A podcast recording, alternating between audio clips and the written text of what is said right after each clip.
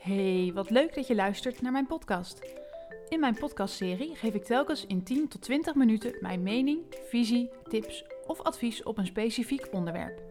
Het kan gaan over iets wat ik zelf heb meegemaakt of een vraag die ik heb ontvangen. Mijn visie op SEO wijkt wellicht wat af van wat je gewend bent. Met name voor kleine partijen is SEO echt een vak apart. Hetzelfde willen doen als de grote spelers in elke markt heeft geen zin. Die ga je niet zomaar verslaan. Daarom zeg ik vaak: probeer niet zo hoog mogelijk te renken, maar zo breed mogelijk. Wat leuk dat je weer luistert naar een nieuwe aflevering. In deze aflevering wil ik het met jou hebben over de SEO-doelstellingen, de KPI's die je gebruikt en de resultaten die je van SEO mag verwachten. En wat mij opvalt is dat iedereen altijd maar wil groeien en alles moet groeien. De economie moet groeien, het bedrijf moet groeien, de omzet moet groeien, de afdeling moet groeien. Groei is goed. En ehm, nou, dat zie je ook met SEO. Hè? Alles moet maar blijven groeien. Dus verkeer moet groeien, de omzet moet groeien. En dat bereik je via hoge rankings. Dat is hoe wij eigenlijk allemaal SEO aanpakken. En ehm, als jij dat ook als doelstelling hebt, denk ik dat het goed is om het hier eens over te gaan hebben met elkaar. Want um, Google gaat ook een bepaalde kant op. Jij kunt wel willen groeien, maar faciliteert Google dat ook? Dat vind ik een hele belangrijke vraag. En wie nu terugkijkt op de ontwikkelingen van de afgelopen anderhalf jaar, twee jaar, um, moet zich toch wel achter de oren krabben of alles nog maar kan. Waarschijnlijk als we het hebben over verkeer, kan het zijn dat jij in absolute aantallen gegroeid bent. Dat jij van 2000 bezoekers naar 4000 bent gegaan, of van 20.000 naar 25.000. En dan verkeer jij in feeststemming, halleluja, we zijn gegroeid. En um, ik vraag me af of dat echt zo is, of dat jij stiekem nog steeds bestolen bent door Google door modules als de mensen vragen ook, die wij in Nederland vanaf april, uh, ja, eigenlijk 2021 zo'n beetje zagen opkomen. Featured snippets waarin Google het antwoord geeft. Local packs waarin je meteen een kaart ziet. Um, zie je eigenlijk dat er heel veel verkeer weggesnoept is bij jou. Dus het kan best zijn dat jij in absolute aantallen gegroeid bent. Maar kijk ook even naar de impressies. Hoeveel meer weergaves heb jij gehad? En hoeveel verkeer had jij moeten hebben als de CTR hetzelfde was gebleven. Ik zie eigenlijk heel veel bedrijven die zeggen van ja, ik heb een hogere positie, ik heb meer impressies en toch minder kliks. Dus ergens stilt iemand jouw kliks en die dader is Google met dit soort ehm, modules. Nou, we hebben het ook wel eens vaak over rankings gehad. Degene die mij volgt weet dat ik daar niet zo'n uh, fan van ben. En dat komt eigenlijk omdat door die modules is die hele SERP veranderd. Vroeger had je um, SEO echt goed in beeld. Wie nu kijkt, ziet voornamelijk vier hele grote ads, nog een stukje SEO. En als je gaat scrollen, zie je um, één of twee SEO-resultaten. De mensen vragen ook. Um, als ik zoek naar strijkijzer, zie ik al een local pack met winkels waar ik strijkijzers kan kopen. Um, dus ja, als jij op positie 3, 4 of 5 staat, dan, um, excusele mo, sta je eigenlijk gewoon op een enorme kutplek in Google. Dus kun jij zeggen van ja, ik sta top 3, dat is goed? Dat vraag ik me af. Dat moet je eigenlijk eerst eens gaan checken op dit soort keywords. Of dat dan echt, uh, of je daar goed staat. En omdat dit soort keywords vaak niet voor iedereen te bereiken zijn, zeg ik ook: probeer dan niet zo hoog mogelijk te ranken, maar zo breed mogelijk op allerlei verschillende uh, zoekopdrachten. Nou, en dan over omzet. Hè, wat, we, wat je uh, kunt zeggen is minder verkeer is minder omzet. Maar je zou ook kunnen zeggen, de mensen die in Google in hun informatiebehoeften zijn voorzien, hadden waarschijnlijk nooit geconverteerd. Dus, um, en dat zie ik ook bij veel bedrijven, minder verkeer, maar niet direct minder omzet, vooralsnog. En um, tenzij je zaken doet met Amerika, dat moet ik er meteen bij zeggen, of het buitenland waarin je andere ontwikkelingen ziet, daar zie je het wel degelijk uh, dat de omzet en de, en de transacties onder druk staan. En wat ik altijd dan grappig vind, is dat uh, directie is verbaasd, de, uh, het management is verbaasd, de CMO is verbaasd.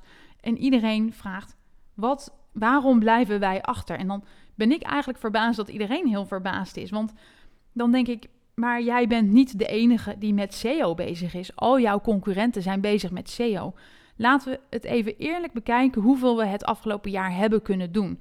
Hoeveel mensen hebben we gehad? Hoeveel tijd hebben die gehad? Hoeveel budget was er om uh, goede content te maken? Hoeveel budget was er om de website technisch weer te verbeteren? En dan kom je er eigenlijk toch wel vaak achter van ja, ja, ja.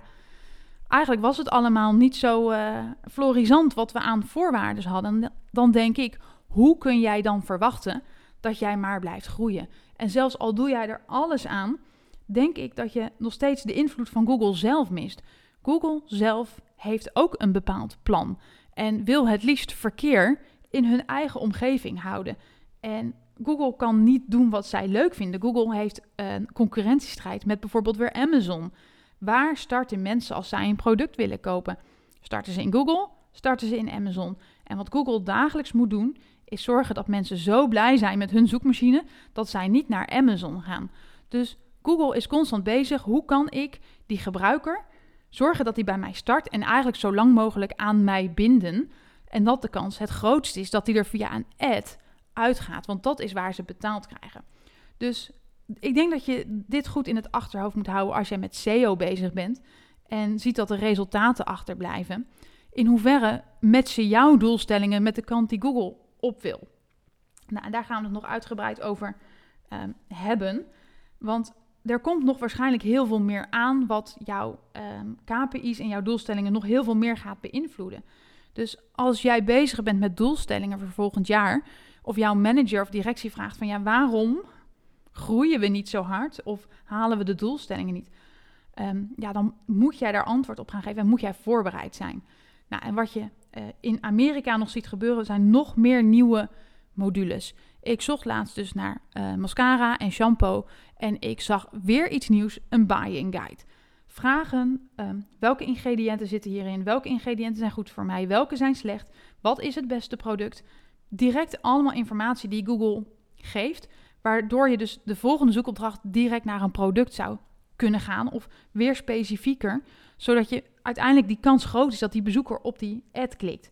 Dus die buying guide, die zien we nu alweer. En nou ja, eigenlijk waarschijnlijk is deze opname al verouderd voordat ik hem over 10 minuten live zet, omdat er nog meer modules zullen komen. Google zal gaan testen, weer iets nieuws uitrollen, blijven kijken. En ja, Joost mag weten wat zij allemaal weer bedenken om die gebruiker nog beter te helpen.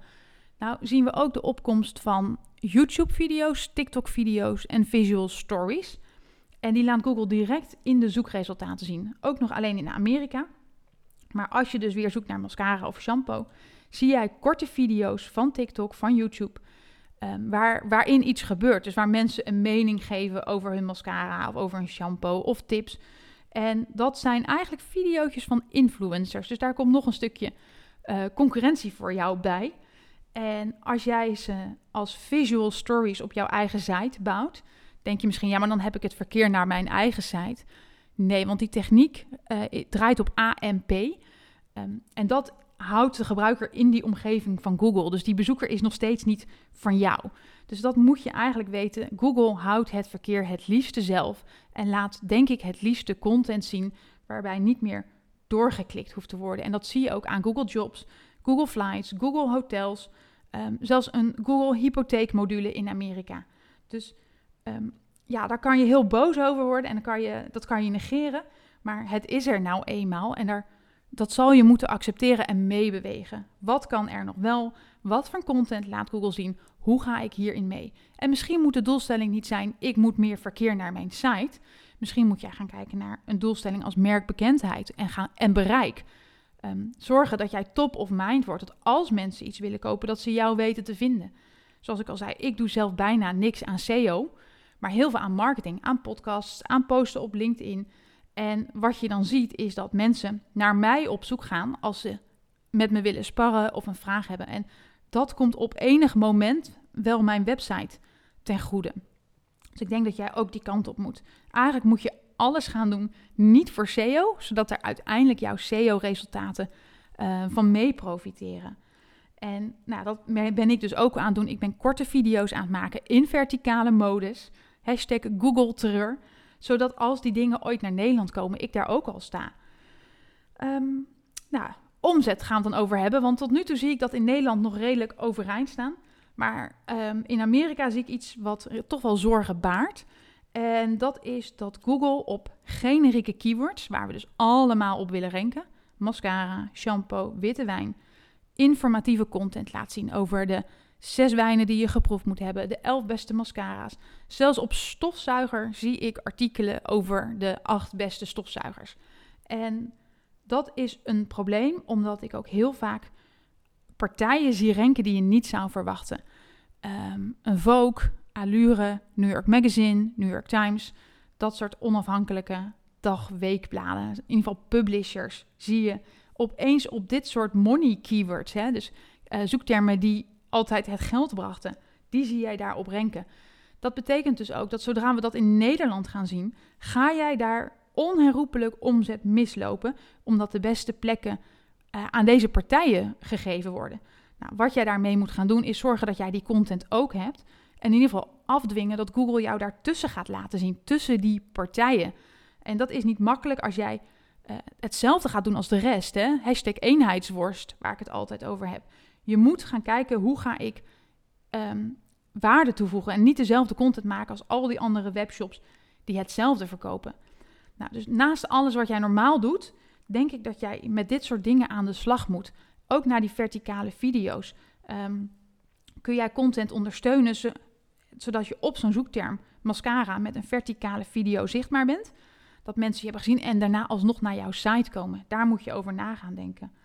En wat ik wel nog vier overeind zie staan in Google zijn producten en productpagina's.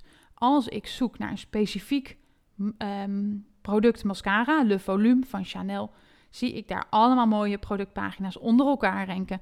Geen poespas, geen gekkigheid, maar um, gewoon SEO zoals je het gewend bent.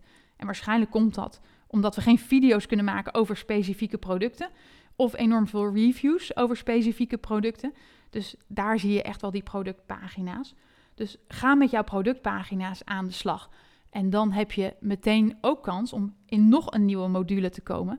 Dat is een soort van product box, product carousel. Ook die hebben wij in Nederland nog niet. Maar grote kans dat die er aankomt. Op mijn website kun je daar ook al foto's van zien. Je ziet een rijtje producten, bijvoorbeeld als je zoekt naar mascara of shampoo. Nou, zou, laten we zeggen dat je de Andrelon voor fijn haar ziet. Dan klik je daarop en dan kun je daarna zie je drie webshops waar je hem uh, kunt kopen. En je kunt uitklikken op bekijk alle 17 webshops. Maar daar gaat het dus om prijs en reviews in die modules. Dus daar moet je mee aan de slag. Daar ligt, daar ligt de omzet nog wel in SEO. Dus um, als jij het hebt over de doelstellingen van volgend jaar, denk ik dat je heel goed moet gaan kijken wat zien wij gebeuren in Amerika. En het hoeft echt niet zo te zijn dat alles één op één hierheen komt. Misschien komt die productbox wel nooit hierheen of de buying guide. Maar je kan er maar beter rekening mee houden en kijken van, goh, wat zegt deze module over de kant die Google op wil? En wat betekent dat voor mijn SEO-strategie? Als jij blijft doen wat jij nu aan het doen bent, listers optimaliseren, linkbuilding voor listers aan het doen en dezelfde content maken als iedereen doet, denk ik dat je het ontzettend lastig gaat krijgen. En zeker als Google dan ook nog eens informatieve content daarop gaat laten zien. Dus je moet gaan meebewegen in de kant die Google op wil. En gaan accepteren dat SEO niet het omzetkanaal is of het last click omzetkanaal dat we altijd dachten. Je moet met SEO gaan kijken naar de bijdrage in, in de conversie, de attributie, naar bereik, naar, um, naar naamsbekendheid. En je moet erover na gaan denken als iemand binnenkomt op mijn informatieve artikel over hoe kies ik de beste mascara, hoe krijg ik iemand dan naar een bepaald product toe, hè, dat die toch gaat converteren. En uh, dat kan door microconversies zijn. Want als het langer duurt, en het gaat niet om mascara, maar om bijvoorbeeld een uh, nieuwe e-bike, nou, dan wil jij met microconversies gaan werken, hoe je dat kunt gaan meten. Dus eigenlijk heb je um, heel veel werk te doen. En um, is het maar, denk ik, goed dat je hier nu al mee bezig bent en naar deze podcast luistert. Ga in Amerika kijken, in je eigen SERP in Nederland. Wat gebeurt daar? Wat voor content laat Google zien? Kan ik daartussen komen en hoe ga ik hierop mee? Um, en ik denk dat je dan op de juiste manier bezig bent. Ook als het er niet komt, denk ik dat het beter is om er ja, wel mee bezig te zijn en om het te zien, dan om je te laten overvallen als het er wel komt. Nou, wil je hier hulp bij hebben? Wil je dat ik met je meedenk of meespar wat je nou ziet en wat dit voor jou betekent? Op mijn website kun je via de vraagbaak een afspraak in mijn agenda inplannen. En um, dan kijk ik van harte met je mee en dan gaan we samen zitten brainstormen welke doelstellingen passen en hoe je dat voor elkaar kunt gaan krijgen.